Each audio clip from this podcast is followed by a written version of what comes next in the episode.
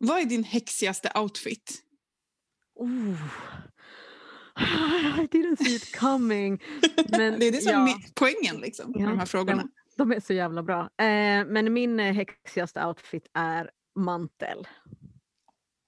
Mantel i alla dess färger. Och det finns inget bättre att både ha mantel eller vara nära mantel, andra mantelbärare. det tycker jag är liksom Vad är det som är så bra med mantel då? Är det att du känner dig som att du är Legolas? Eh, bland annat så känner jag mig som att jag är Legolas, att all, alla alver. Eh, sen känner jag mig också, jag blir ju väldigt liksom, eh, det är ju ganska tungt tyg i en mantel. Så man blir liksom, man känner ehm, man känner att man har manteln runt sig, den är varm, den sveper i backen och frasar mot marken. Den har en huva så att man kan liksom verkligen eh, bli väldigt liksom inkognito om man så skulle vilja. Man kan skydda sig mot vind, mot regn, mot sol. Eh, om man fryser lite grann om benen så kan man bara sätta sig så har man hela manteln runt sig. Man kan sova på manteln. Alltså det är ju det plagget som man är ett preppers plagg också egentligen. Mm. Så lite där är det. Och sen så tycker jag också att de eh, kan ju vara väldigt, väldigt... Eh, alltså man kan göra dem så vackra och personliga. Eh, så jag tror också att jag på något sätt eh, är lite betingad på mantlar. Jag är bara, så fort någon har en mantel så bara... "Åh, Häxa. Häxa, lugn. Nej, jag, blir, jag blir lugn Eldin. Jag blir jättelugn. Åh. Ja. Okej, du då? Vad är ditt favvigaste häxplagg? Ja, det är inte mantel i alla fall. För att jag, har, alltså, jag har en sån hatkärlek till mantlar. Jag Mm. eh, har precis sålt min sista mantel. Jag har liksom bara insett att this is not for me. It's not for you. Jag tycker inte alls att man är varm med dem. Jag tycker att man liksom... Det är så här, ursäkta, men värdelös plagg. Det här tror jag är första gången som du och jag intar rakt motsatt positioner i en fråga. Det är ju underbart. Det har ju varit på request också. Ja, precis. Det kanske inte var det här folk menade då, men... Eh, men jag tycker liksom att det är ju så här, det kommer in jättemycket kyla underifrån och liksom den går inte riktigt att stänga. Och sen så eh, bara fastnar den i all jävla taggbuskar och grejer i skogen. Och, nej, alltså, jag, jag bara, nu, jag ger upp på den här mantelgrejen liksom. Och sen så eh, nu senaste tiden så kör jag liksom nästan bara på typ overall. Alltså du vet så här, typ en från granngården. Liksom. Skoteroverall är jättebra häxplagg. Det är praktisk häxplagg. Ja, jag känner mig liksom... Eh, alltså jag, jag pallar inte vara kall och opraktisk. Men vadå, har du inte haft skoteroverall och bara haft mantel? Har du, har du mantel över skoteroverallen? Ja. Jaha. Nej, Alltså- alltså jag har som bara två lägen. Typ supersnygg och häxig och kall. Eller totalt liksom skoteroverall-stil. Mm. Det är kanske är det som är knepet. Alltså så här är det, min mamma är ju sömmerska. Så hon har ju sytt mantel till mig så som jag exakt vill ha den. Så det är ju väldigt Ah. mycket mera tyg än i köpemantlar. Det är Ja. nästan sex meter tyg. Wow. Alltså, jag ja, kan nästan- kanske. Förstår du? Jag kan svepa ena delen av manteln på framsidan av kroppen och sen så tar jag andra delen. Liksom, så här, förstår du? Vänster in mot Mm. kroppen och höger går runt om kroppen så att jag är som en liten, liten korv. Mm. Och sen har jag också Ah. valt, jag har liksom valt bort lite så här ull och kört, och kört på möbeltyg. Det är glansigt och det fastnar inte i taggbuskar. Här har du en framtida business, tror jag, att eh, Ja. sprida det här. Men här jag tycker, jag tycker Praktisk att häxmantel. Ja, fast jag måste ändå säga att jag tycker att skoteroverallen är minst lika häxig som en mantel. Alltså verkligen. Mm. Eh, det är ju bara det att eh, de, jag vet exakt vad du menar med det här fastna. Det var ju jättejobbigt eh, i allting. Liksom. Jag vet inte så- hur många gånger jag har sett folk också stå i så här vackra polyestermantlar runt en eld och man, man liksom gaspar genom hela ceremonin för när man ser den där flikarna röra sig mot elden liksom, och vill kasta sig fram och rädda någon från att brinna upp. Liksom. Ja, Eh. det, det, det finns, alltså mitt tips är liksom lite dyrare möbeltyger i ull som har som en, liksom de har, de har vävt, jag, jag, jag önskar jag kunde säga det på något bra sätt, men någon som kan tyger vet säkert vad jag pratar om. Det är liksom lite annorlunda väv, för på insidan är det sådär äh, fast, fastna-aktig yta, men på utsidan så är det lite mer hölje. Smart. Mamma, om du lyssnar kan inte du berätta för alla vad det är vi har gjort. Ja, men det är i alla fall så att, att liksom i en mantel så kanske det är liksom lite mer obvious att man håller på med något häxigt än vad det är i en, en overall. Eh, Man är lite mer eh, undercover liksom, i overallen. Man är Det är, lite det, vi, undercover. det är lite Mm. det vi ska prata om idag. Ja, exakt. För det här avsnittet handlar så mycket om eh, oss och många med oss. Det är dags eh, människor att kliva ut ur häxgarderoben. Hur gör vi det?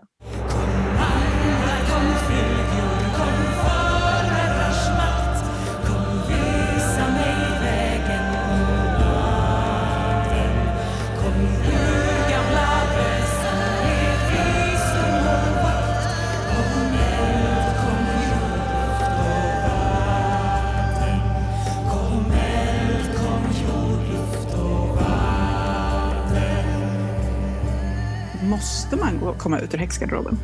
Nej, det måste man ju inte. Men eh, jag tänker att så här, finns det ens en häxgarderob? Jag, alltså, jag brukar säga kvastgarderoben. Fastgarderoben, häxgarderoben, vad, eh, va- varför är det här avsnittet viktigt? Och det är ju lite grann för att vi har faktiskt har fått flera som har hört av sig och, och, och undrat lite om det här temat. Liksom. Behöver man outa sig som häxa? Ska man outa sig som häxa? Eh, kan Och man, hur outar Ja, man och sig? hur och vad gör man när omgivningen inte förstår en? Vad gör man när omgivningen dissar ens val? Eh, och eh, ja, allting som kommer med att vilja eh, leva med eh, naturen och ceremonier och ritualer som en del av ens liv. Det känns som att vi har varit inne på det här väldigt mycket i tidigare avsnitt om att vi lever i ett upplysningssamhälle som, eh, som har ett väldigt stort förakt för det magiska. Mm. Så jag tänker att det är, på, det är väl på något vis grunden för varför, varför vi ens måste ha ett helt avsnitt om det här och komma ut. Att, att liksom det finns så himla mycket så skam och men kanske också tänker jag så här, någon så historisk liksom, ja, rädsla för repressalier också. Att vi har ändå så här häxprocesser och liksom att man kanske är rädd för att förlora jobbet eller liksom Och sen Och också saker. liksom det här med em, queer, att liksom konstig, annorlunda. Att Mm. eh, det mainstream-samhället har problem när någonting är annorlunda. Och oftast så är det ju eh, eh, oftast är det ju det som blir grejen, att det blir en snackis. Och då måste man ha jäkligt mycket liksom kraft och styrka och kanske orka stå i det. Och att man ska ju inte behöva alltid eh, liksom förklara vem man är. Aldrig Mm. någonsin behöver man göra det, man ska bara kunna vara överallt. Liksom. Det tänker jag är nästan den så stora missförståndet med att komma ut, alltså även att komma ut som queer. Det är att det är här en engångshändelse. Ja. Att man, man kommer ut en gång och sen är det liksom klart. Men Ja. det är ju inte det, för man träffar hela tiden nya personer och hamnar i nya sammanhang. Och det är liksom en typ livslång process att komma ut. Liksom. Eftersom att det finns en norm som är att inte vara queer och inte vara häxa så Mm. förutsätter ju folk hela tiden någonting om en. Och så måste man säga, ja fast jag eh, firar inte den påsk, jag firar eh, Ostara. Typ. Ja. Eller något. Och sen också det här eh, klassiska som också kommer med att komma ut som queer är då att eh, alla som kommer ut som queer är exakt likadana. Alla som Just kommer ut det. som häxor är exakt likadana häxor. Och alla tycker på exakt likadant sätt bara för att de då har sagt att de är häxor. Vilket också är ett stort, stort eh, eh, missförstånd. Eh, att det, är, det finns ju en sån stor bredd av vad det, är, det innebär att då komma ut, så att säga, eller berätta vem man verkligen är. Ja, och där så Så- tror jag att det var, det var nog en av mina starkaste så här, motstånd mot att komma ut. Det var ju det att jag inte ville bli förknippad med vissa saker. Och så där Ja. tänker jag också är någon så här jättestor ängslighet som jag Mm. faktiskt också har kommit över lite grann. Men, men jag kände väldigt mycket så här, åh nej, de där som gör det där, de är så pinsamma. Jag är inte sån, jag är så cool. Det är en sån typisk, typisk ängslighet, men, Mm. men liksom att, ja men som du säger, att, att då vet man att nu blir jag ihopbuntad liksom. Mm. Eh, men jag är ju unik. Men verkligen, och jag, för jag kände igen det där. Jag vet inte om jag var, jo, ja, men jag var nog också ängslig, jag har inte tänkt på det på det sättet. Men jag var ju rädd för massa saker, men framförallt så eh, tyckte jag det var jobbigt att mina jag skulle liksom bekräfta vad alla mina vänner hade sagt genom åren, att jag var flummig, att jag var hippie, ja du vet ju hur Rebecca är, de där grejerna som jag liksom hade skrattat bort genom åren. För jag, jag liksom, det är min personlighet att jag orkar inte ta striden väldigt sällan. Om det, inte, om det är värt det så tar jag en jävligt bra strid, men då vill jag gärna vinna. Och hålla på och bråka om vad folk ger mig för epitet när de ändå inte kommer förstå konceptet, då kan jag lika gärna bara liksom, ja, ja, ja, jag är hippie, ha det så bra. Alltså så här, jag orkar inte. Eh, men då kände jag så här, och nu, ska jag, och nu kommer jag bekräfta det som de har sagt hela tiden.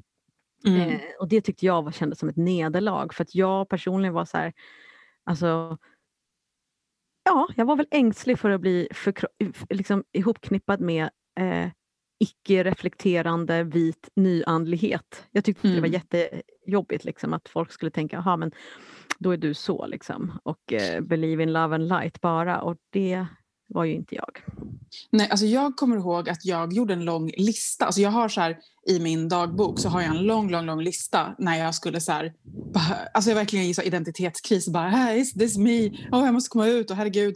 Och då hade jag en lång lista på så här, men om jag typ väljer de här sakerna, om jag väljer det här häxiga och att gå in i liksom, ja, men gudinnor och sådär, då kan jag inte också göra det här. Alltså det var som så motpoler. Dualism! Det var så antingen eller i mitt huvud.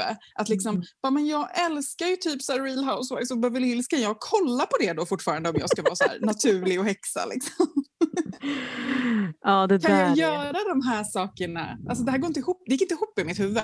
Nej, men det, där är ju, det där tror jag är jätte, jättevanligt, att man tänker att det ska vara på ett visst sätt och då måste det vara all way. Och sen så kommer någon in och säger, speciellt i yngre ålder, om man gör det så där så är det fake. Men så är det ju alla subkulturer. Eh, när jag liksom ett tag tänkte att jag skulle liksom gå in i helt, heltid i rockabilly och liksom typ vara på någon rockabillyfest och så kom det fram någon assnygg rockabilly lady och bara den där är inte vintage, jag kan se det på sömmarna. Jag bara, fast vadå, jag har ju sytt den efter ett eh, gammalt mönster. Ja, men den är ny. Jag bara, aha, okej, okay, man kan se på tråden. Eller om du lajvar eller reenactment, liksom så här, Jaha, du har inte äkta ulltråd, ja, men då är inte du 100 procent. Alltså folk kan ju vara jävligt dryga i subkulturer. Ja, och det där finns ju i den ja. magiska världen också. Så det finns ju, finns ju verkligen de som så här, my way is the right way.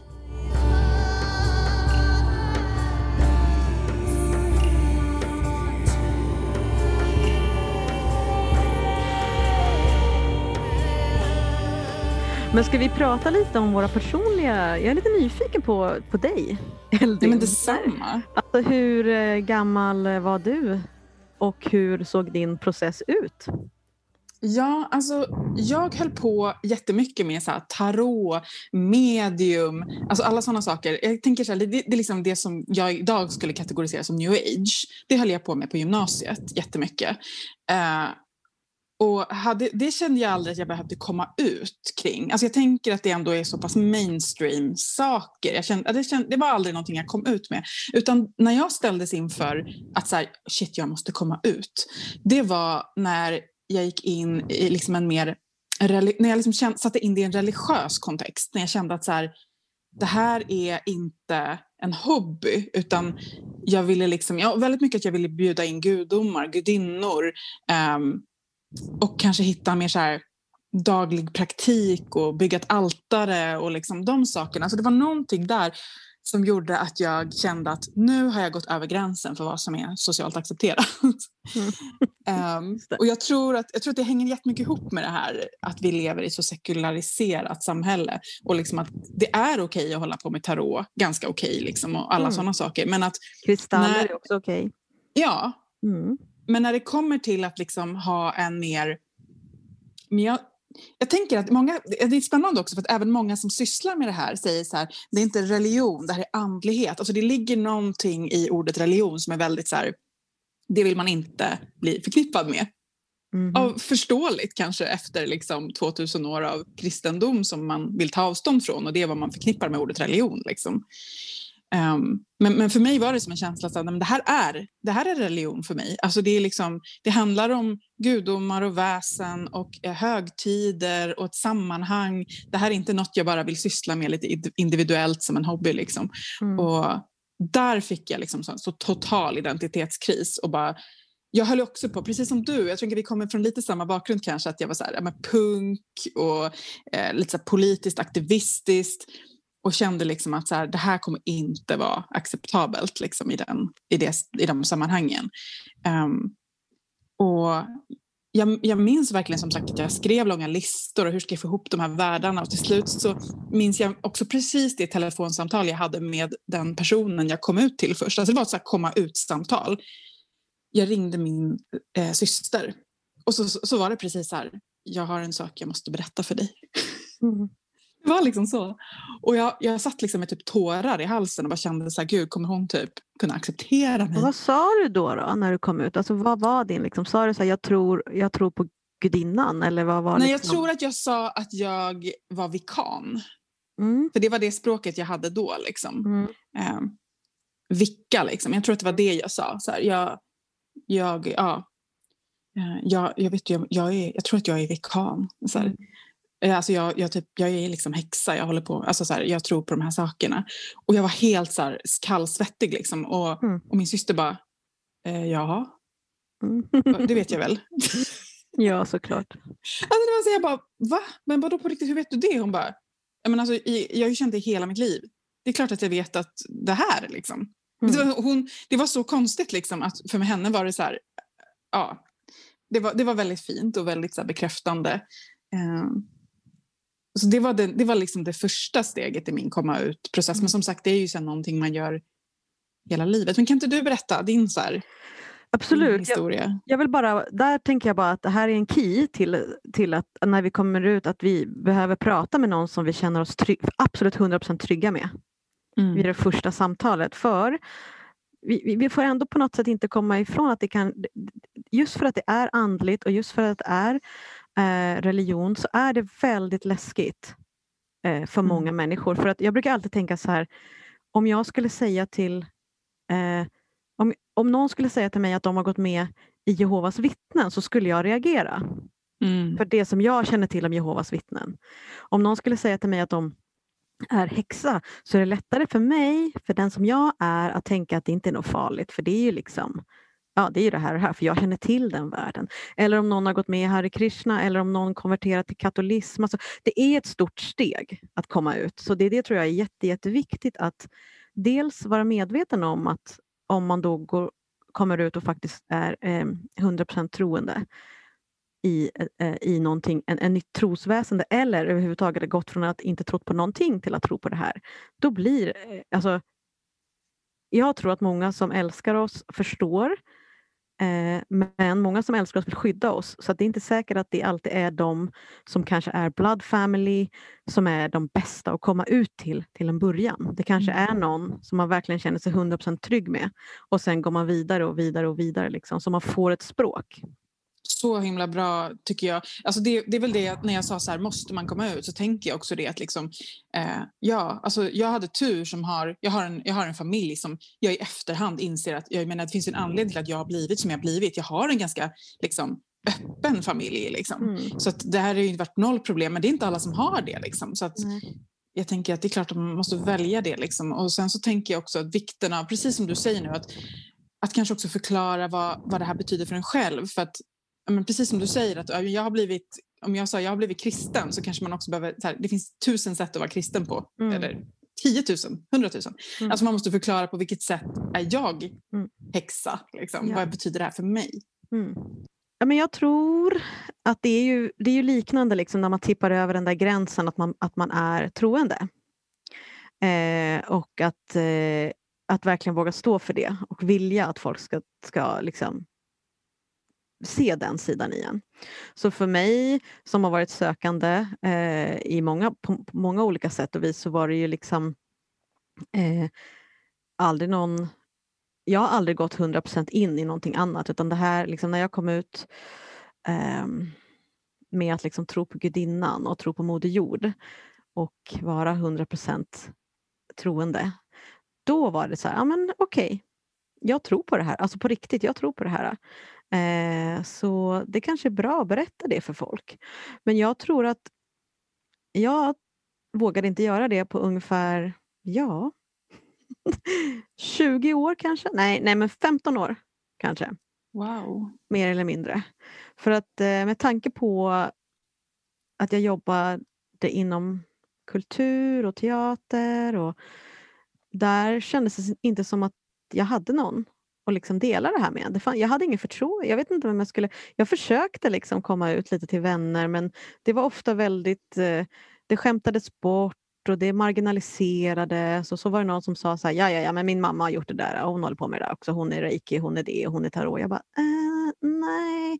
Och sen så så här, ja men eh, min mamma är häxa och hon är så här och så här och hon dricker sitt mensblod till frukost. Och så här, jag bara, äh, nej, nej. Alltså så här, folk började liksom definiera mig utifrån att jag ville komma ut. Så jag var så här, äh, fan skit, skit i det där. Jag bara gör min praktik. Eh, men sen så tror jag väl att jag, eftersom jag är den jag är eh, och den jag är är att jag kommer till punkter i mitt liv där jag bara så här, det här är inte bara för mig, det här är för fler människor än mig. Och så har det varit i flera beslut i mitt liv. Jag ska outa det här på grund av att det är viktigt att tro på Moder Jord, alltså ekofeminism, ekoaktivism. Eh, det är viktigt för kvinnor och menstruerande personer att tänka på sina cykler, menscykler. Alltså det är ju hälsa. Alltså det blev så politiskt stort för mig. Och då Men var, var det, det var det i och med ditt, liksom, att du gick in som prästinna eller var det innan? Jag skulle säga att det var typ Ja, när jag gick in som prästinna. Ja, Jo, vänta, för nu när du säger den. det så känner jag igen det jättemycket, ja. den tanken. Ja. Precis så för mig också. Att det blev det, blev det precis. När jag... Eh, ja, jo. Jag, jag, går nu när du, när du pratar så tänker jag åren. Absolut. Det var när jag förstod att prästinna var någonting som jag kommer vara. Jag kommer vara i service till gudinnan. Alltså jag kommer kunna vara i service personligt för min egen tro, men jag kommer också kunna vandra mellan världar och kunna guida hålla cirklar, sitta och faktiskt eh, på ett bra, vettigt sätt kunna guida andra personer som vill få kontakt med gudinnan. Så där tror jag det blev, och då var det liksom hur lätt som helst. Då var det bara som att jag bara sa det och så var det ingen, då gjorde inte jag något samtal. Jag skippade hela den grejen. Jag försökte mm. när jag var mm. yngre och sen var det bara så här, I am this now. Och jag vill att alla ska veta det. Om det är ingen som liksom, eh, vet det så, så är det kanske så här, också helt okej. Okay. Alltså jag behöver inte heller så här, göra en t-shirt. Men jag har, satt, jag har skrivit det på många, jag har skrivit det på visitkort. Även liksom som så här, jag kan skriva typ eh, artist, regissör, prästinna. Eh, för att mm. jag tycker att den kunskapen kan vara behövlig i konstnärliga processer också. Inte bara spirituella praktiker. Så där någonstans skulle jag vilja säga. Så det är, det är relativt nytt, kanske sex år eller något sånt där. Sju, mm. sex, sju. Ja, men för mig var det, det alltså just prästinneutbildningen, då var det ju också så, nu har ju vi haft eh, delvis samma lärare, liksom, men då var ju det också någon del av det, att, så att man verkligen tittar på liksom, alltså dels så här, hur vill jag bidra med det här till mer mm. än bara mig själv? För att det är ju också, och det känner jag ju är en stor anledning till varför jag är dedikerad till den här vägen. Liksom. Det handlar mm. ju om inte inte bara mitt eget växande utan som, precis som du säger, jorden, eh, ett annat samhällssystem som är liksom vänligare mot alla väsen. Liksom. Mm. Eh, och, och då på något vis, det går inte att föra den kampen i garderoben. Liksom. Eh, och då blev det som en del av liksom prästinneskapet. Att kliva in i prästinneskapet var också att kliva ut fullt ut ur garderoben. Mm. Um, och, och, det gjorde jag också. Jag gjorde det. Mitt, min prästinnededikation, min första, handlade om att jag skulle kämpa politiskt för gudinnans värden. Och jag gick in och ja, startade Feministiskt initiativ, partisektionen liksom, på Gotland och blev ordförande, ställde upp, kandiderade i valet. Alltså jag blev en liksom, publik person och genom hela, och då hade jag liksom bestämt mig för att det här är en del av mitt prästinneskap. Därför var jag mm. inte jag hymlade inte om det. Jag, liksom, jag var ute ur garderoben som häxa och kandiderade till fullmäktige liksom, samtidigt. Och det var så jäkla skönt. Det var så skönt att bara så här, och folk skrev på Flashback, du vet så här, hatare typ, skrev mm. så här bara, hon är en häxa. Man bara, ja. Mm. Do you want to test me? Typ. You want to test me? Men, det, det, det, det, det var så skönt att bara vara ute och bara liksom så här, Ingenting kunde liksom get to me eftersom Nej. att jag det var ute. Det fanns ingen, så här, inget skelett liksom, i garderoben. Nej, men det är det som är alltså, den stora styrkan i att komma ut är att det finns inga skelett. Att, att våga vara 100% sann eh, är ju läskigt eh, när man inte är normen eh, och eh, dagligen blir folk mördade för att de är sanna mot sitt eget uttryck. Så the shit is real. Eh, och att komma ut som häxa i Sverige kanske inte är förknippat med döden och våldsamheter och misshandel som det är i andra länder. Men det är ändå verkligen eh, föremål för flashback och föremål för förlöjligande och eh, liksom oskadliggörande. Om man då har kommit ut så har man det som styrka och man kan också faktiskt leka med det med motståndare så att säga. Eh, så Men där kommer vi in i det vi har pratat om, om lek också. Mm. Sådär. Det tycker jag har varit en så himla bra liksom, eh, avväpning av det hela. Att liksom, jag har så skojat så himla mycket om liksom, att vara häxa.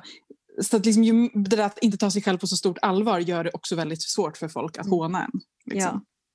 Ja, men verkligen. Och jag tror att ehm, också så här, jag får ju på Wild Herbarista så är det ju väldigt många som, som skriver att, att eh, ja, ja, men jag ska kanske outa mig snart och ja, men jag har inte outat mig ännu och eh, men det är inte, folk vet inte så mycket vad jag håller på med. Alltså det är mycket sånt. Liksom. Och det kan vara med, med ångningen också, så här, att, att en partner har problem med att någon vill börja ånga. Eh, eller att en förälder har problem med att man vill ha ett altare. Och det är så här, okej. Där är det ju superviktigt liksom att förklara varför man behöver ha ett altare. Eller varför man vill ånga. Eh, så att man inte kanske berättar någon annans sanning om altaret som man kanske har Mm. läst eller någon annans anledning till varför man vill ånga underlivet. Utan det kan verkligen vara så att eh, ja, men jag vill ha ett altare för eh, jag vill bekanta mig med gudinnan. Eller vad man nu har för någonting. Men att det är så himla viktigt att eh, vara sann även om det är minsta, minsta steget. Mm. Och sen ett annat av mina tips är ju att om någon vill sätta dit en, om någon inte vill lyssna, om någon vill bråka om läkarörter eller det hit och dit liksom. Och Lillit är en demon och bla bla bla bla bla. Alltså det är bara att alltså, säg något jävligt dräpande och gå därifrån. Eller säg något roligt och gå därifrån. Eller bara res dig upp och gå därifrån. För Mm. ain't worth your time. De personerna är bara där nu för att bråka, testa, hålla på liksom. Och det är inte lek. Utan det är ret. Ja, och min erfarenhet är ändå, alltså så här, det är ju liksom the shit is real och flashback och så här, men min erfarenhet, jag vill ändå på något vis så här, peppa lite här för att det är verkligen att det är bara liksom så mycket mer positiva reaktioner än vad man tror. Alltså, Dels så tänker jag att det är så mycket människor som, eh, som är liksom så här mugglare i mina ögon men som kanske inte var det utan som istället bara, bara så här, Åh, Gud, tack för att du för att du sa det här och, och jag har tänkt på det så mycket med liksom så här, att det finns så många som har den här längtan. Mm. Eh, det är det vi har pratat om så mycket i podden också, att liksom, Mm. man kanske inte alls har inne och definierar sig själv eller identifierar sig själv, men man har en längtan. Och det Mm. tänker jag att det är på något vis ofrånkomligt i det här samhället vi lever, att man längtar efter det magiska. Och att genom att bara komma ut så tror jag att man ger, gör jättemånga människor en tjänst och de innerst inne blir så väldigt tacksamma. Ja, nej men det, det tror jag verkligen också. Att de är, känner sig jätte, jätte tacksamma över att några går före. Ehm, så jag tror ehm, generellt att om vi tänker då att komma ut som liksom, troende vikan eller häxa eller liksom gudinneperson och så vidare och så vidare, vad man nu väljer att kalla sig. För det är också en sak, man behöver ju inte kalla sig för någonting. Eh, det viktiga är ju att man är, eller vi är sanna mot oss själva. Men vad jag vill säga med det är att det är tryggt. Men det är också up for grabs. Eller hur? Det är lätt Mm. det är det där liksom att är man på en plats som man kanske eh, kämpar med mental ohälsa eller att man är på en plats där man är otrygg. Ja, men, behöver inte komma ut just nu. Alltså bara Nej. vänta lite. Liksom, så för det, gudinnan eller, eller, eller det som du tror på kommer ju guida dig. Liksom. Mm. Men en sak som jag har tänkt på som jag tycker är roligt, som är lite personlig reflektion, det är det där liksom att att komma ut som troende i ett land som Sverige är ju liksom problematiskt för att vi har ju liksom ett stor del människor som inte tror eh, på det sättet genom att, alltså genom att kanske vara i ceremoni eller fira högtider eh, och gå in lite mer i den andliga aspekten av sig själva eller just för att man är rädd för religion. Men här skulle jag också vilja säga att det finns det här, vi har liksom religion och så har vi andlighet. Men det går på något sätt ihop i ett på svenska språket. Om man tänker på engelska så har du liksom religion och så har du spiritual or spirit och så har du liksom holiness. Men liksom holiness och spiritual det blir andlighet ofta på svenska språket. Och då lägger man ihop det direkt till kanske ett trosamfund som man har någon erfarenhet av. Och så, så går människor in direkt och ganska, laddar ganska mycket det här med att vara troende. Åh, men där har jag verkligen ett bra tips. Ja, bra. Jag tänkte och det är det här, det. Ja, alltså för att det var ju liksom det som fick poletten för mig att ramla ner för mig och som också fick mig att våga komma ut och ens komma ut för mig själv. Alltså det tror jag var det, det kanske var det första att komma ut och bara oh my god, men som jag sa i något tidigare avsnitt, who am I kidding? Det här, jag försöker hålla mig på någon vetenskaplig nivå men jag vill egentligen bara ut i skogen i en mantel, fast kanske inte en mantel då. Men, eh, men eh, ja, alltså, det som är nyckeln för mig det är att förstå att religion det är inte lika med kristendom. Alltså glöm allt ni trodde att ni visste om vad religion är, definitionen av religion. Jag tänker att, så här, ja, men att man kallar sig ateist eller man är så här, säger att man inte är troende, det blir väldigt mycket i relation till en kristen version av, av religion. Och att förstå ja. att liksom genom historien, genom mänsklighetens historia som är liksom 300 000 år, så är kristendomen bara en liten punkt. Det finns så många andra sätt att vara religiös på som inte alls behöver ha att göra med ens att tro.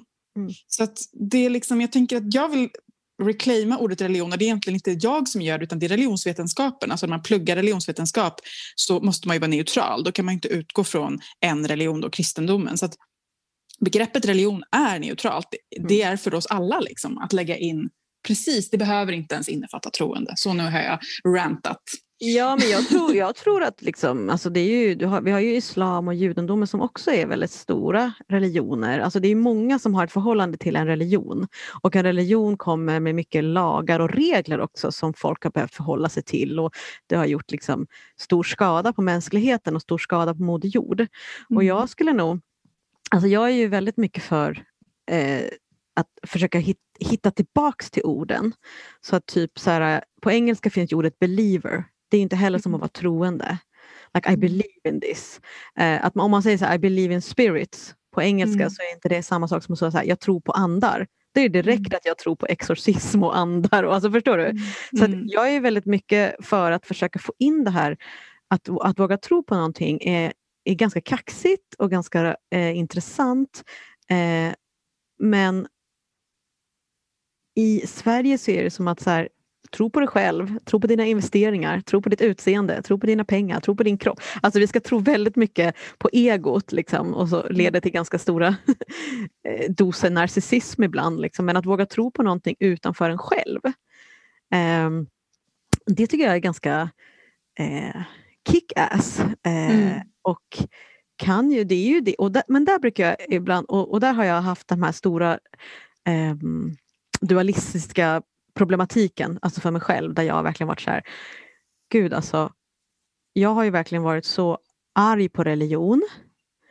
Eh, så som i den bemärkelsen kristendom eller islam eller liksom någon större religion där bara så här, oh, gud, det är inte religionen som har bestämt de här reglerna, det är bara människor som bestämmer saker in the name of religion. Och eh, om jag då sitter i bön. Så bön är ett sånt ord som jag kämpar skitmycket för. Och välsignelse. Ja, alltså det, det blessing är så himla mycket lättare att säga. Ja, välsignelse, läkande, bön. Det är så här, okej, okay, jag ska göra, de här sakerna mår man väldigt bra av och de är inte eh, de är inte förknippade med de stora världsreligionerna utan de är förknippade med all religion, allt du tror på, allt, whatever you want to do it. Så det, är så här, det är verkligen på allvar att lära om. Att komma ut är att lära om och våga eh, närma sig saker som man känner. Alltså jag har ju bara, första gången jag satt i bön så tänkte jag, men gud, tänk om någon ser mig nu. Nu, nu tror de att jag är en, en kristen fanatiker. Typ, det var det jag tänkte. Alltså är det kanske så att jättemycket av att vi håller på och, och angstar så mycket över att komma ut handlar om kristendom egentligen, vårt kristna arv? Mm, jag tror det. Att det, att det är liksom ja. någon slags uppgörelse med det? Säker på det, för jag tror det är också kristendomen som är anledning till häxprocesserna. Mm. Alltså kristendomen och staten, islam och staten. Alltså det är så fort religionen blir stat. USA mm. och kristendomen. Alltså så här, det är när det blir det där liksom att, att religionen går in och blir stat som det blir problematiskt. Mm. Och då blir det farligt för medborgare. Och där eh. tänker jag att det är så himla viktigt att liksom tänka på att religionen har också varit historiskt sett så lika mycket en motkraft till det där. Alltså, vi, kommer ju, jag har ju redan, vi har redan pratat om att vi kommer ha ett voodoo-avsnitt någon gång. Alltså, voodoo tycker jag är den typ coolaste religionen ever som också var superrevolutionär och eh, liksom anarkistisk. Och, så liksom, det finns ju alla exempel på där religion är precis en motkraft mot allt det där också. Och för att inte då tala om det kanske för mig viktigaste anledningen till att liksom och som hjälper, som stärker mig att komma ut, det är liksom det postkoloniala perspektivet. Att, att, liksom, att säga att religion är lika med typ världsreligionerna eller kristendom, det är att osynliggöra tusentals år av urfolksreligion. Ja.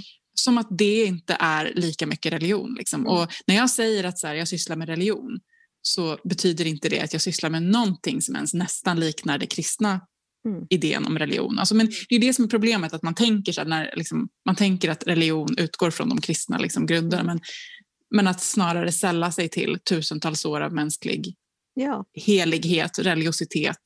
Ja, det, jag tycker också det handlar om att på något sätt så här, alltså, jag som svensk är ju liksom inget ursprungsfolk i Sverige, men jag är ett naturfolk. Jag kan, vara, jag kan välja att vara en naturmänniska. Eh, det vill säga att jag kanske eh, eh, vill länka ihop mig med, med, naturen. Och jag kan prata, precis som man kan läsa i en antropologisk bok om att i det och det landet så finns en ursprungsbefolkning och de tror på det här trädets andar. Så kan jag som en modern människa i ett modernt samhälle i Sverige säga att ja, det är dimma eller det är diser mm. som dansar. Alltså jag har också rätt att claima min natur, även om jag aldrig har någonsin i mitt liv fört någon kamp på ursprungsfolksnivå. Så det, det, det, det är väldigt intressant att tänka att man kan få gå tillbaks och tro på sin egen natur. Mm. Eh, som en, en religiös handling eller en troshandling eller bara en, liksom, whatever you want to call it, liksom, eh, någonting som får dig att må bra. Någonting som ger dig kraft eller lugn eller eller energi eller stillhet, vad du nu behöver. Liksom. Ja, men det är så eh. viktigt att inte låta liksom, patriarkatet och kristendomen kapa hela religionsbegreppet. För mig är det viktigt. Liksom. Ja, alltså det är superviktigt. Det är vårt det... att definiera mm. liksom, vår egen syn på det. Men jag har ju gjort väldigt mycket jobb med Clowner utan gränser i fält. Liksom jag har varit och turnerat, liksom haft workshop, gjort föreställningar, flyktingläger, framförallt i södra och mellersta Afrika skulle, alltså jag, det skulle inte ens gå, du kan inte nämna ordet häxa. Det är liksom, alltså där dör män och kvinnor för att de blir anklagade för häxor. Men där är det ju också en ex, varit en extrem mission, alltså det har varit så ja. starkt kristet eh, missionerande där. Alltså pingströrelsen är ju superstark ja, i, i de områdena. Super, superstark och, det, och då kan man också tänka hur stark den kan ha varit här. Mm. Eh, liksom att det verkligen är så här, det är klart att det är läskigt att komma ut för att på något sätt så är det inte så länge sedan som eldar brändes. Nej men verkligen, alltså det är ett liksom förmodersår. Liksom. Ja, jättestort förmodersår. Så jag, jag tänker på att eh, det är klart, alltså, om, om man verkligen känner den här ångesten och att det är läskigt och att man blir rädd, ja, yeah, yes, yes it's, det är på riktigt. Mm. För att jag tror Eh, eller jag är övertygad, jag tror ju på epigenetik som vetenskap, att, kropp, att celler minns, liksom att kroppen minns. Och därför så, så är det, eh, det är på riktigt. Liksom. Men att man då kan bli påmind om att det inte sker. Mm. Eh, faktiskt, alltså den fysiska våldet sker inte här i Sverige just mm. nu. Så jag tror att eh, Ja, men jag kan tänka mig att det är många, eh, om det är några, no, några som lyssnar nu som är kristna, ah, sorry to say it, liksom, men det här är en jättestor del av problematiken. Men det här, eh, det tänker jag ju, det är väl samma sak som att liksom, vi alla är en del av problemet. Alltså vi, mm. Sverige har en kolonial historia. Alltså det är liksom, vi kan sitta här och kalla oss häxor så mycket som, mycket som helst, men vi måste också erkänna att våra förföräldrar eh, har varit liksom, alltså vår rikedom idag i Sverige beror mm. också på att vi har exploaterat samer, vi har exploaterat eh, svarta människor mm. på våra kolonier. Eh, så att liksom på samma sätt som om man är kristen häxa så, så här, ja, men jag bär på det här också, det här mm. arvet. Jag är inte, vi är inte bara så förtryckta häxor, vi är också så kanske vita, medelklass, vissa mm. av oss. Jag är inte kristen, har aldrig varit, men eh, jag har andra saker som jag måste dela med. Liksom. Kom eld, kom jord, luft och vatten. Kom eld, kom jord, luft och vatten. Kom Någon kommer ut och är solitär häxa, det vill säga ensam. Någon kommer ut och är superoutad med sin identitet. Någon eh, liksom vill inte ens ha någon har outat sig själv men vill inte ha epitet häxa. Alltså så här, det, det, är liksom, vi, vi ska liksom inte heller upprepa patriarkatets dualism och patriarkatets sätt att se på världen. Det tänker jag är en viktig del av, av um, att när vi kommer ut inom då ett sån mer eh, löst sammansättade cirkulärt sammanhang som typ häxa, prästinna och så vidare och att, att vi inte upprepar de strukturerna. Det tycker jag kanske är det viktigaste vi har sagt i hela det här avsnittet nu. Ja, men tack, tack. jag tror att vi har liksom... Ja, men det, är, det är så lätt, liksom, speciellt på sociala medier. Helvete vad folk är snabba på att döma och dra dit och bara da, da, da, da. Ja, och, och så här liksom, kör, liksom mm, mm. Och tillåta alltså, sig själv att vara komplex. Alltså att, ja. här, att, att, liksom, att följa patriarkatets mönster det är ju liksom att gå in i den här dualistiska idén att är jag det här mm. så kan jag inte också vara det här. Eh, det är inte sant. Vi är superkomplexa och vi är föränderliga. Mm. Och det där är ju också något som är som att nu tror jag på det här så nu måste jag stå upp för det för evigt. Liksom. Men det där är också bara en så patriarkal idé. Liksom. Att istället bara låta liksom, låta även ens religiositet få flöda fritt. Mm. Mm. Det gör den för mig i alla fall. Alltså verkligen liksom, ena dagen så bara känner jag så bara, nej, alltså jag vet inte. Gudinnan kanske bara är en symbol. Mm. En annan dag så bara står hon där framför mig. Liksom. det jag tänker det, att det är liksom det är, det är högst personligt och det är högst liksom ehm, eh, relevant för en själv att, att eh, befinna sig i den där världen om det är den världen som får en att må bra. Alltså så här, du kan ju komma ut och sen lämna om det nu inte var för dig. så att säga. Mm. Men jag, jag, tänker så här, som svar på det här, hur gör man? Behöver jag vara rädd? Men jag tycker att jag tycker så här, hands-on praktiskt tips är att Gör det inte om det känns som något tvång någonstans från dig själv eller från någon annan eller i kroppen utan bara vänta tills rätt ögonblick och det kommer du känna. Om du är då någon som vill komma ut inom häxa så kommer du känna det för du är en människa som känner.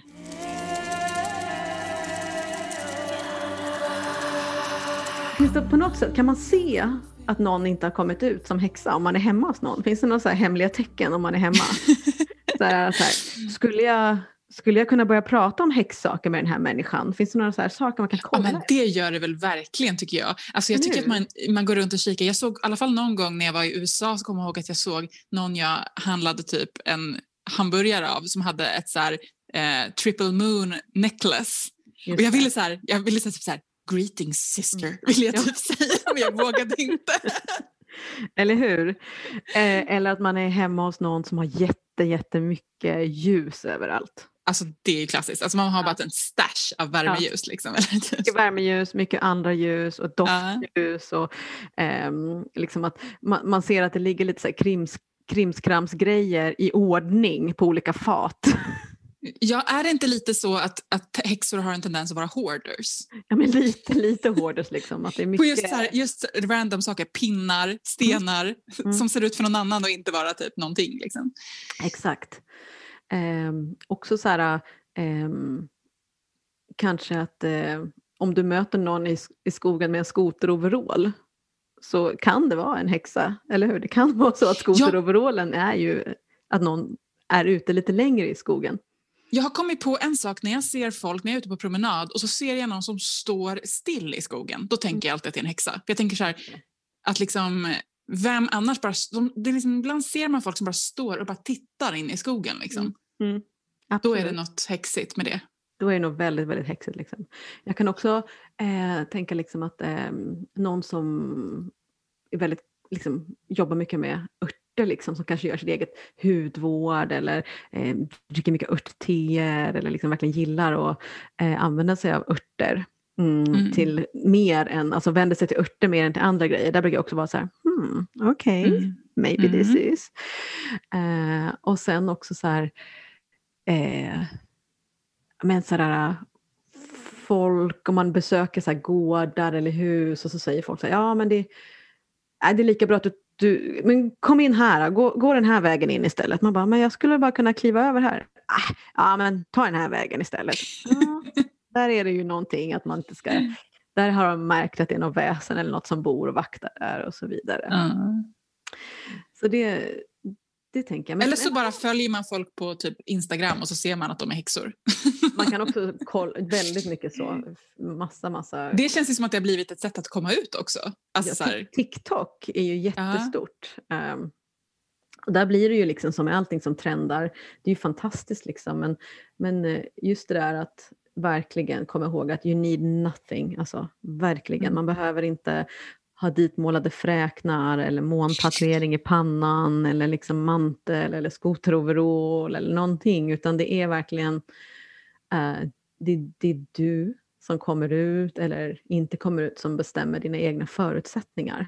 Och egentligen så spelar det verkligen ingen roll. Sen är det ju såklart en lukrativ, lukrativ, eh, bla bla bla, lukrativ industri. Alltså så är det ju. Det är, vi lever ju i, en, i ett samhälle där det är de som kommer ut som häxor eller är häxor är köpstarka. Man vill köpa böcker och läsa mer, kanske eh, halsband, smycken, talismaner, kanske ljus och så vidare. Så att det finns ju väldigt många häxaffärer som man kan köpa fina grejer i och oftast, oftast måste jag säga, är det inte massproducerade utan det är liksom ganska, ganska bra kvalitet på de flesta produkterna. Eh, Det här är ju också väldigt mycket en DIY-rörelse tycker jag det Ja, känns som. Att ja. det finns liksom så här, hitta recept på din egen olja eller ditt eget Ja. örtte eller din Mm. egen...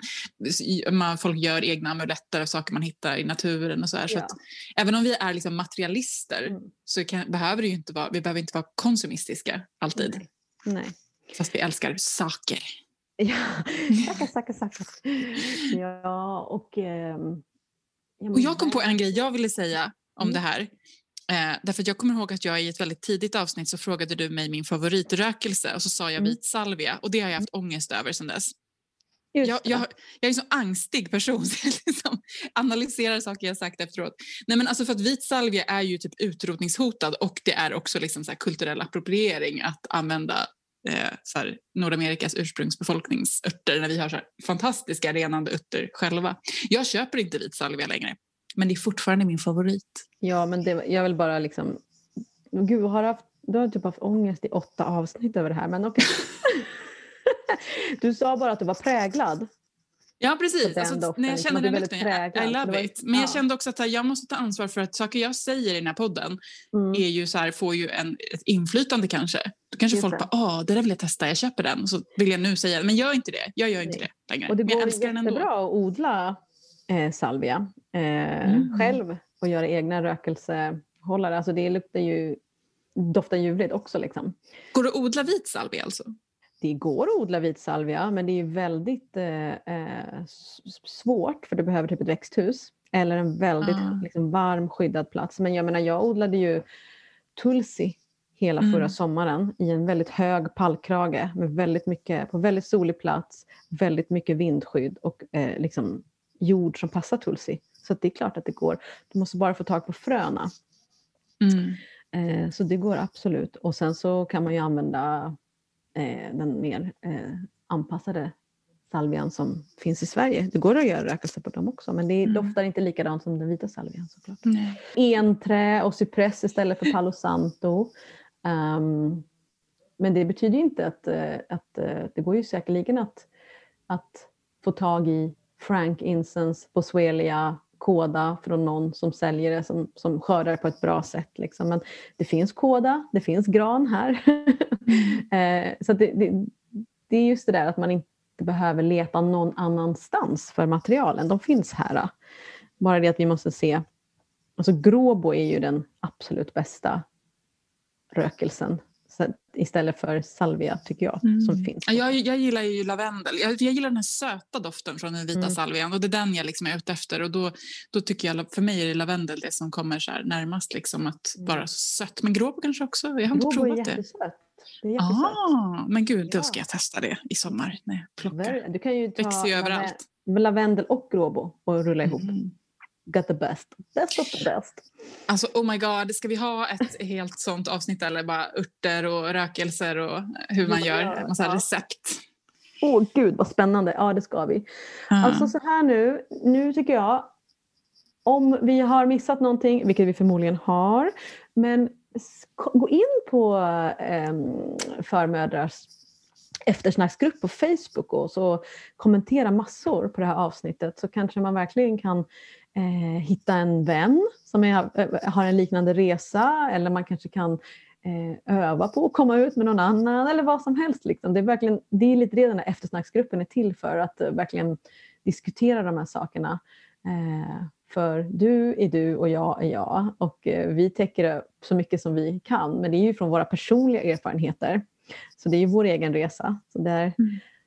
försöker vi ändå reflektera omvärldsmässigt men, men framförallt så kommer ju det här från ett personlig eh, Det skulle vara jättekul att höra era, era Mm. berättelser också som sagt. Det här är bara våra liksom. Så dela gärna med er av Mm. det där.